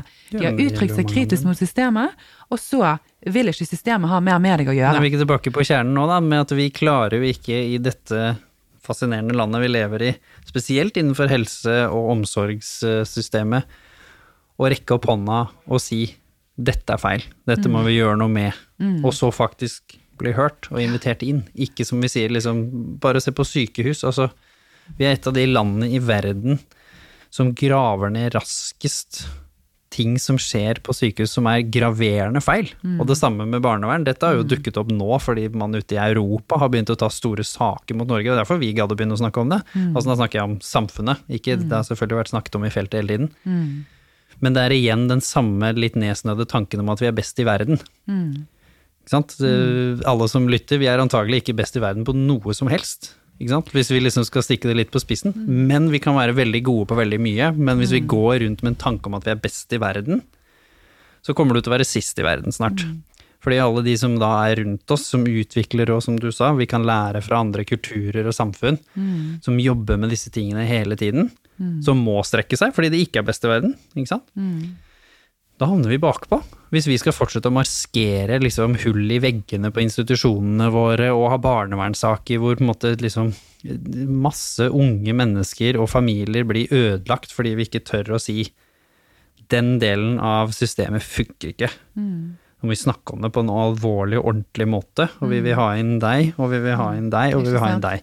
Og så setter vi oss på rom, og så snakker vi om hvordan vi skal løse det, ikke bare peke på problemer. Og det gjelder psykisk helse òg, for vi har feila, som du sier. Vi står her i 2022, verdens beste land. Hvis du skal se på liksom ressurser og sånt, så er vi liksom topp ti, da. Verdens beste land, i form av at vi ikke burde ha masse psykiske problemer. Hvis du liksom evaluerte det at psykiske problemer kom fra det vanskelig. Men det er ikke sakens tilstand. Vi burde hatt en av de beste skolene i verden. Det er på ingen måte sakens tilstand. Vi burde også hatt psykisk eh, og et fysisk helsetilbud hvor man får hjelp hvis man trenger det, og vi burde hatt et barnevern hvor man burde fått hjelp. Vi er det rikeste landet i verden. Da, har Ja. vi, da skal vi ikke ha disse problemene, men det virker som om vi, vi, vi tør, vi klarer ikke å si det høyt, at vi ikke er best i verden. Og så Nei, og det er jo det som er en utfordring, dette, og det er jo nettopp fordi vi har de forutsetningene som vi har, at vi hele tiden skal legge listen høyere og høyere og høyere. Men da er vi nødt til å tåle å faktisk snakke om det som ikke virker. For det som jeg tror er en utfordring, er jo at vi begynner å leite etter eh, tiltak og hjelp, og hva skal vi gjøre, før vi faktisk har definert problemet. Jeg blir egentlig litt irritert når folk sier ja, hva skal vi gjøre med barnevernet? Nei, vet du hva? Vi skal ikke gjøre noen ting før vi har satt oss ned og blitt enige om hva som er problemet. Og vi er jo ikke enige om det. Og da kan vi heller ikke Altså, vi har ikke en god nok analyse. Og da kan vi heller ikke komme med gode nok tiltak, for vi kommer til å bomme. Sånn, hva er det som er utfordringer på systemnivå? Det er jo det vi må finne ut av. Sant? Og da må vi jo høre til ganske mange, eh, lytte til veldig mange forskjellige stemmer, inkludert de som er kritiske. Og, og så kjenner jeg, sant, For nå kjenner jeg igjen på det samme behovet som jeg alltid kjenner på, at nå har jeg lyst til å legge til at det også gjøres utrolig mye bra. Men, men det skulle jo for så vidt bare mangle. Det brukes det det er milliarder av kroner på disse systemene. Det skulle bare mangle at det ikke også gjøres gode ting. Eh, og selvfølgelig finnes det gode folk, og selvfølgelig er det jo ikke sånn at, at alle som jobber i disse systemene ikke har kompetanse. Selvfølgelig har de kompetanse. Og det er jo òg et feilspor å tro at masse kompetanse Altså om man har tre år eller fem års utdanning, det tror jeg har veldig lite å si. Annet enn at det gir mer status og kanskje et litt mer mektig språk. Og selvfølgelig litt mer, mer eh, kunnskap, men Det kommer det på er jo du ikke fulgte antall med år på skolen uansett. Ja, men altså antall år på skolebenken, det er jo i praksisfeltet man lærer. Man lærer av erfaring, man lærer av å få tid til å reflektere med mer erfarne kollegaer. Det, det er da man lærer. Så man må jo heller, istedenfor å satse på at alle skal drive og ta mastergrad hele tiden, så må man jo satse på å tilrettelegge for gode erfaringsutvekslinger og gode drøftinger. Og ikke minst at man tåler uenighet. Jeg tror det er et kjempestikkord. Tåle uenighet. Øve seg på å tåle det. Og så må vi ta tilbake et veldig viktig begrep, og det er verdighet. Vi er nødt til å ha verdighet med inn i tjenestene våre, og ikke bare tenke at vi vet best fordi vi har gått mange år på skole, og jeg har denne ideen og dette tiltaket, og nå har jeg vært på kurs, og da lærte jeg denne metoden, og nå skal jeg rulle den ut, og det er det vi har tilgjengelig her i denne kommunen. Det er ikke det vi trenger. Jeg tror vi må møte mennesker med verdighet, så må vi tåle å lytte til hva de har å si. Og så må vi òg akseptere at det finnes ganske mange måter eh, til å komme seg frem til målet på. Da. Innenfor barnevernsfeltet, eksempel, så For ikke snakke om depresjon, angst. Altså de Sant. fleste innenfor psykisk helse. Det er ikke sånn at det finnes ett svar. Leve Nei, med ADHD, leve uten. Det skal jeg love deg, det er ikke et svar. Nei, det er jo ikke det. Og der igjen er dette her standardiseringsfokuset vårt og sjekklister og alt vi er ute etter. Altså, det, det er et feilspor, men det gir jo et eh, det, det gir et visst sånt eh, Det lindrer det indre ubehaget litt, da. At ok, nå har jeg noe konkret. Jeg har verktøy, jeg har en sjekkliste.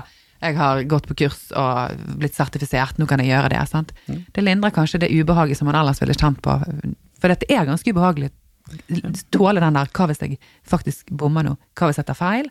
Men hvorfor er det så ubehagelig? Fordi disse menneskene som kommer til oss, da, om det er barnevern eller om det er psykisk helse, det er jo ikke sånn at de begynte å slite i går, de fleste av de, og har holdt på en stund. Så hvis vi gjør litt feil de første to behandlingstimene, eller de første ti for den saks skyld, er det et problem, som du sier, hvis verdigheten er der, og hvis man da også er til stede nok til å skjønne at nå bruker jeg, dette gir ikke det resultatet det burde. La meg gå ned i verktøykassa mi igjen og leite. Fordi de fleste mennesker jeg har snakka med, hvor psykologene deres har gjort nettopp det, innrømt at det jeg trodde funka på deg, det funka ikke. Det ga ikke det resultatet jeg ville. La oss prøve noe nytt. Men det de har jo sagt det er kjempepositivt. De har jo trukket det fram som oi, det var helt nydelig å bli møtt på den måten med et ekte menneske som innrømte at de gjorde noe gærent. Det var nesten så de ble friskere bare av at psykologen innrømte at nei, det funka ikke første. Ja, ja, jeg har hatt noen veldig fine terapeutiske erfaringer der, altså der jeg rett og slett har måttet si at åh, jeg, jeg har tenkt mye på deg den siste uken, fordi at jeg følte det ble veldig dumt forrige time, fordi at jeg sånn og sånn. For jeg har jo hatt mine prosjekt som terapeut som ikke klienten har Det har ikke vært klientens eh, prosjekt, sant. Men forutsetningen for å gjøre det som du sa nå, det er jo at man har tid til å stoppe opp og reflektere rundt hvorfor virker ikke dette? Hva er det jeg gjør nå som ikke fungerer? Hva er det jeg må gjøre istedenfor? Man må ha tid til å reflektere rundt det, men man må også ha trening i å reflektere rundt egen praksis og innta et kritisk perspektiv på seg selv. Det må man ha trening i, det må det tilrettelegges for. Og det forutsetter jo igjen ofte veiledning og, og et, et trygt kollegamiljø.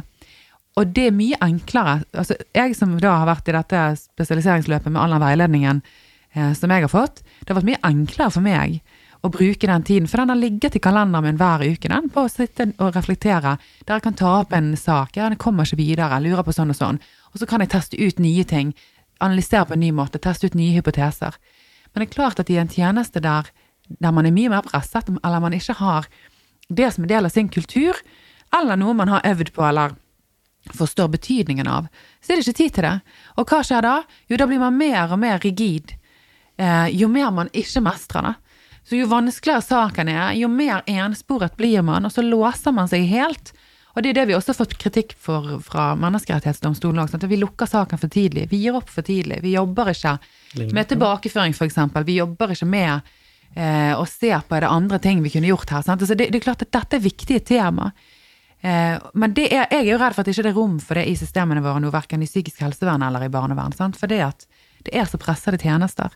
Og resultatet, hva blir da? Det har jo Lars regna på for oss og sagt. Så det jeg syns er så fascinerende, at man ikke forstår det på politisk nivå eller på systemnivå. Vi behandler flere, vi hjelper færre. Dette er noe som det virker som alle ekspertene er enige om nå. Hadde vi endra det til det vi sitter og snakker om nå, så hadde vi behandla færre. Det er jo helt innlysende, fordi da måtte jo alle fagpersoner brukt mer tid per person. Men vi hadde hjulpet flere. Som hadde jo gjort at de personene som du nå har måttet hjelpe i fem år, eller som er tilbakevendende i sitt 20. år, kanskje hadde sluppet å være tilbakevendende. Så long term så behandler du flere. Fordi du faktisk får folk ut av systemet til å stå på egne bein igjen. Om det er barnevern, psykisk helsevern, akuttpsykiatrien. Men det, Ja, de, de forstår det bare ikke. En bedre avgrensning på hva vi skal gjøre, og hva vi ikke skal gjøre. Sant? For dette, jeg, jeg kjenner jo mange som jobber f.eks. i BUP, da. Eh, Og så sier jo det at det kommer jo inn en god del henvisninger som faktisk ikke burde vært der i det hele tatt. Og ikke minst, hva skulle gjør vært vi nå? håndtert et annet sted. For vi kan ikke bare kaste dem ut igjen, for da er vi tilbake på problemet igjen med at da får ikke de hjelp. Hva gjør man når jeg oppdager at kanskje ikke de skal være hos oss? Mm. Det virker ikke som det er noe system på det heller, for da er det bare å kaste deg tilbake der hvor det kom fra. Ja, det, Det er det det man risikerer, at man bare blir en kasteball som ingen hjelper. Alle bare blir opptatt av at dette er ikke mitt ansvar, og så er det ingen som faktisk er opptatt av at dette er mitt ansvar. Så det er klart vi trenger jo noe der òg, og jeg tror jo jeg egentlig for så vidt at politikere eh, forstår dette her eh, innerst inne, men jeg tror likevel at eh, av og til så vil vi ha en eller annen løsning, sant, og det er det jeg òg av og til når det har vært noen diskusjoner i det offentlige ordskiftet, f.eks. knyttet da til disse alvorlig syke barnevernsbarna, som de ble omtalt som helt konsekvent eh, i, i media i en periode der, så kommer på en måte Her må vi ha en løsning, sant? Ja, og så skal man ha en eller annen eh, satsing på et eller annet spesialisert opplegg. Og det kan godt hende det er klokt, men noen ganger så må vi faktisk si nei. Vi har ingen løsning akkurat nå, for nå må vi sette oss ned, og så må vi finne ut hva er det som er riktig å gjøre. Hvor er det vi bommer? Og så kunne vi ha lært av veldig mange saker, for noen av de mest tragiske sakene jeg har vært inne i, hvis du, hvis du går baklengs i de sakene, så ser du at det er så mange muligheter. Det var så mange muligheter mye, mye tidligere der man kunne hjulpet. Sant? Men der man ventet og så, eller man henviste eller skjøv fram og tilbake. Sant? Og så, jo, så kommer krisen eh, mange år inn i det, sant? men da har gjerne både barnet selv og foreldrene bedt om hjelp, forklart, satt ord på, vært fortvilet og frustrert lenge, lenge, lenge, lenge, men de har ikke blitt hørt, de har ikke blitt tatt på alvor. Og så blir foreldrene utslitt, vanskene til barna eskalerer. Så blir det kanskje en mye større sak enn det det hadde trengt. Det kunne like så godt vært beskrivelsen på de som ofte havner da i psykiatrien.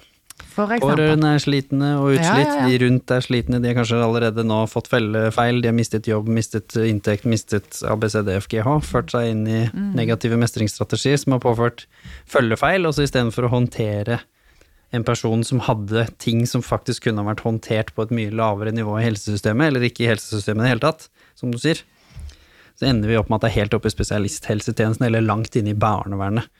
Som på en måte er jo endestasjonen for veldig mye av ting som starter veldig mye lenge før. Da. Så kanskje vi som samfunn også må liksom En ting er dette helsesystemet, de må ha disse diskusjonene på systemnivå, og det må være mulig å snakke om det. Og som du sier, jeg tenker at det, det er viktig både at man må tørre å si at vi vet ikke svaret, nå må vi først finne ut av hva som er utfordringene.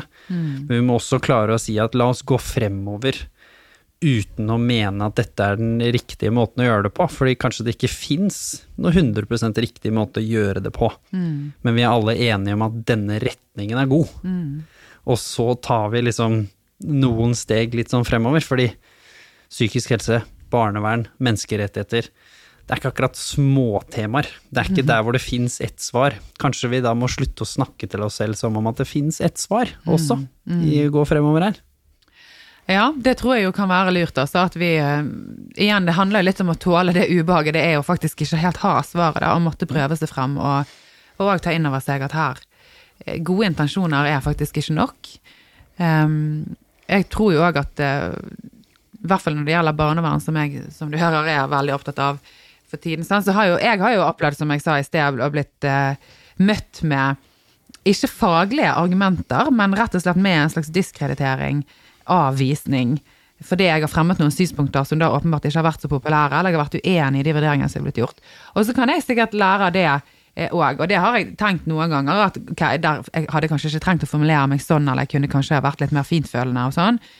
Um, men, men jeg føler ikke at jeg skal trenge å egentlig ta veldig sånn forsiktig i et system, da. Altså jeg kan mer ta hensyn opp mot brukere og familier, men kanskje ikke så opptatt av å ta i et system med silkehansker, da. Men, men kanskje jeg bør gjøre det litt likevel.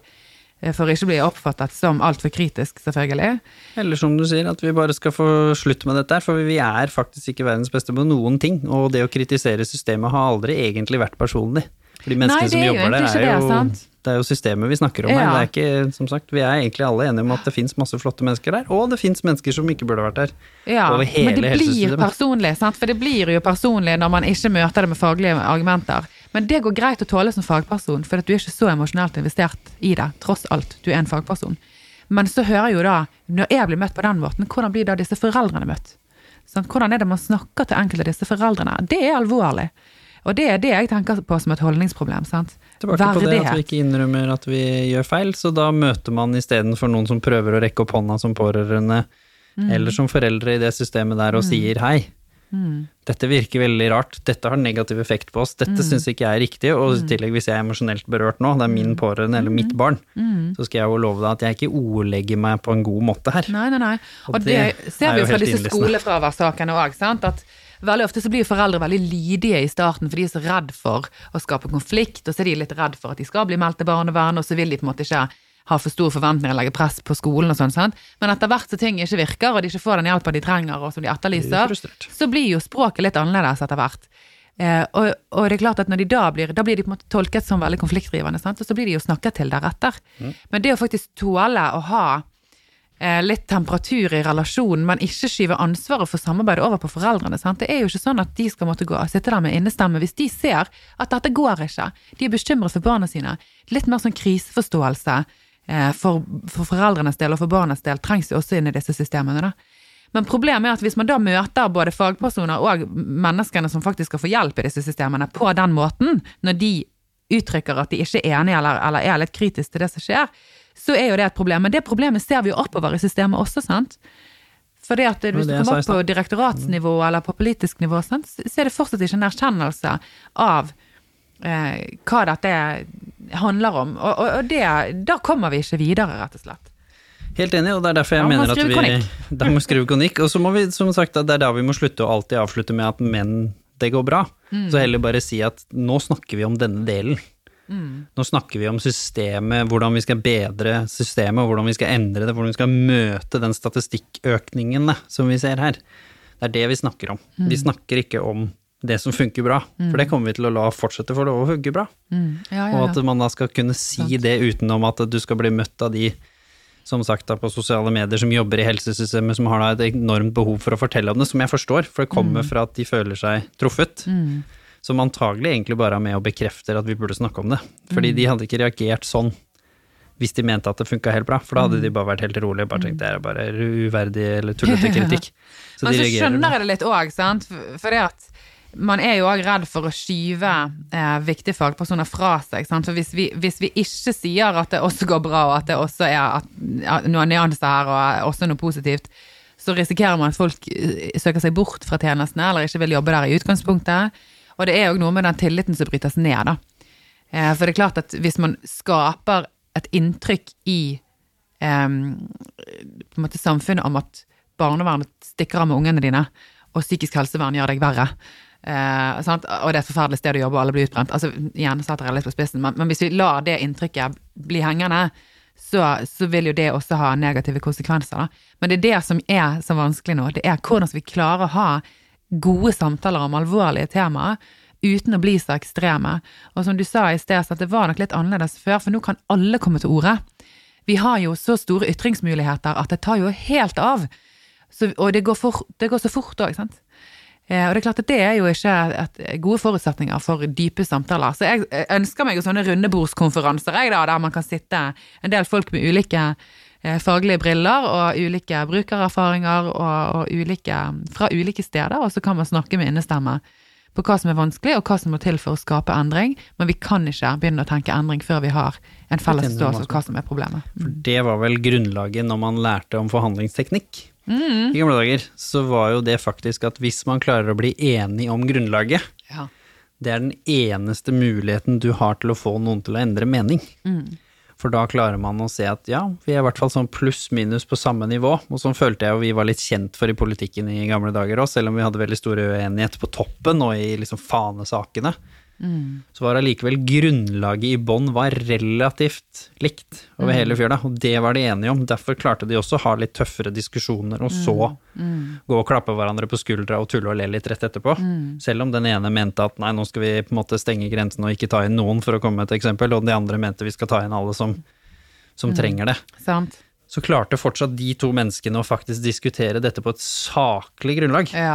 Det begynner å bli mange år siden jeg har sett. Sant? Og det er det vi må øve oss på. Og, og der syns jeg jo sant, juristene er litt gøye, sant? for når jeg sitter da i retten og jeg ser dem, så er de sånn skikkelig uenige på hver sin side, sant? for de representerer jo motpartene.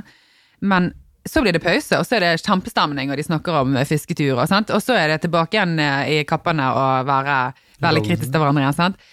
Og, og journalister òg, som går veldig sånn uredd inn i, i samtaler med andre og stiller de nødvendige spørsmålene. Uten at det på en måte trenger å være noe sånn veldig sånn personlig vanskelig, ja, verken før eller etter. Så vi har jo det der med, ja, som jeg sier, vi må øve oss på det der med uenighet. Eh, det tror jeg er veldig viktig. Og er det én ting som jeg tenker kanskje skal, folk skal sitte og lytte på, da, hvis du har en liten gjeng som sitter på jobben og diskuterer ting etter de har hørt på podkasten din, så kanskje en ting å diskutere er hvordan tåler vi uenighet her? Hvordan snakker vi om temaer? Er det rom for å fremme andre perspektiv? Er det rom for usikkerhet? Eh, Er det rom for å se dette på en annen måte? Og ikke minst, hvem er jeg i møte med motstemmene? For er du en som prøver å kneble? Er du en som latterliggjør? Er det en? Altså, det, det vil alltid være noen som skriver i kommentarfeltet at du er en, en padde. Sant? Det er greit. Men, men prøver du å få folk til å slutte å ytre seg, eller latterliggjøre, at- eller si at dette kan vi ikke ta på alvor, for det er Jeg syns det er mye verre. Denne Det pakkes inn som, som faglighet, men egentlig er det bare maktmisbruk og hersketeknikker. Jeg syns det er mye bedre å bli kalt en padde enn å bli møtt av andre på en måte respekterte fagpersoner eller folk oppover i direktoratene og i systemene som, som diskrediterer deg bare fordi du er uenig. Det er farlig for faget vårt. Eh, det vil være Det er et rettssikkerhetsproblem, for du vil faktisk ikke få nødvendige kritiske stemmer inn i de systemene som sitter med mye makt. Men det går til syvende og sist også utover demokratiet, da, fordi at vi stilner stemmer som vi hadde trengt at kom på banen. Og det er lettere for meg, fordi at jeg er fri som fuglen. Jeg har ingen eh, eh som sier til meg at jeg ikke får lov til å ytre meg. Jeg står ikke til ansvar for noe. sant? Jeg, hadde jeg jobbet i barnevernet, så hadde det vært mye vanskeligere for meg selvfølgelig eh, å ytre meg på denne måten her. Eh, pluss at jeg tilhører majoriteten, sant? så det er, det er tryggere for meg selv om jeg har fått min sånn dose med sånn eh, 'dette er ikke en trussel, men', og så kommer det et eller annet som helt åpenbart er en trussel. Eller litt sånn at du bør holde deg inne. Altså, jeg har for all del sittet hjemme jeg med gardinene trukket for, for alarmen på, og vært rett og slett veldig redd. Men, eh, men det er klart andre vi kunne fått mye mer, og vi ja. vet andre får mye mer. For mye, de lever på hemmelige adresser, de blir utstått for uh, alt mulig. Sånn at uh, det er òg noe med å ikke overlate alle kampene til, til de som løper en mye større risiko. Absolutt. Kunne ikke vært uh, mer enig, og det kunne vi snakka om veldig lenge, tror jeg. Det er for så vidt allerede gjort. Så vi håper at dere som lytta på, syns dette også var ekstra spennende. Jeg tror det er litt ekstra interessant for dere å, å, tørre å si litt hvem vi er i møte med da uenighet, som vi sier. Også innrømme at vi selvfølgelig vi lever jo ikke i en perfekt verden heller, så hvis du faktisk har møtt uenighet på en litt dårlig måte, noe vi alle gjør, så også ta med det at det også er greit, så lenge man da anerkjenner det litt selv og kan se på det selv, og kan bare si vet du hva. Det er rett og slett fordi at jeg sto litt langt unna å forstå hva du egentlig mente, så, så lo jeg litt, var min første reaksjon når du sa det du sa i stad. Det var ikke meninga, på en måte. Og så kan man også si det, for det, tror jeg også er litt uh, fint i dette her. Og tørre å se litt sånn hva er det i grunnkjernen av hva vi snakker om nå, før vi begynner å hamre argumenter mot hverandre. Så vi ser sånn hva er det vi er enige om, da? For det er en ganske god start å begynne før man skal se på hva man faktisk kan skape av uenigheter. Og så er det veldig mye fine fagfolk eh, der ute, det tror jeg de fleste av oss er enige om. Og systemene vil alltid trenge å forbedres. Det er også en sannhet som er viktig å ta med inn. For et system i et så raskt utviklende samfunn vil alltid være gammelt, nesten. Så derfor så er det ikke nødvendigvis at man har gjort noe gærent heller til dere som har lagd systemet. Det er, det, det er, ikke det, som er fokus her heller, men vi må kanskje henge litt med i timen, er det tror jeg kjernen i mye av det vi prøver å si her. Og verdighet, var det ikke det du sa, som burde ligge i bånn. Er ikke verdigheten der, så gjør vi noe gærent. Det er blitt mitt nye favorittord. Nydelig. Tusen hjertelig takk til alle som hører på. Del, spre, engasjer dere og vær med. Og legg også inn en review, fordi det er med å påvirke sånn at vi når enda flere, og som har muligheten til å lytte på disse flotte stemmene som vi får på besøk hos oss. Og ikke minst, si ifra hvis du har forslag til gjester, temaer eller ting du vil vi skal ta opp. Og del altså gjerne med oss hvordan du bruker det, for det syns vi er veldig motiverende. Vi er bare folk, vi òg. Podkasten har fortsatt ikke noen sponsor, dette her er det mye ildsjel i som står bak eh, fra oss i Human Aspect og Hverdagssyken time. Så fortsett å engasjere deg.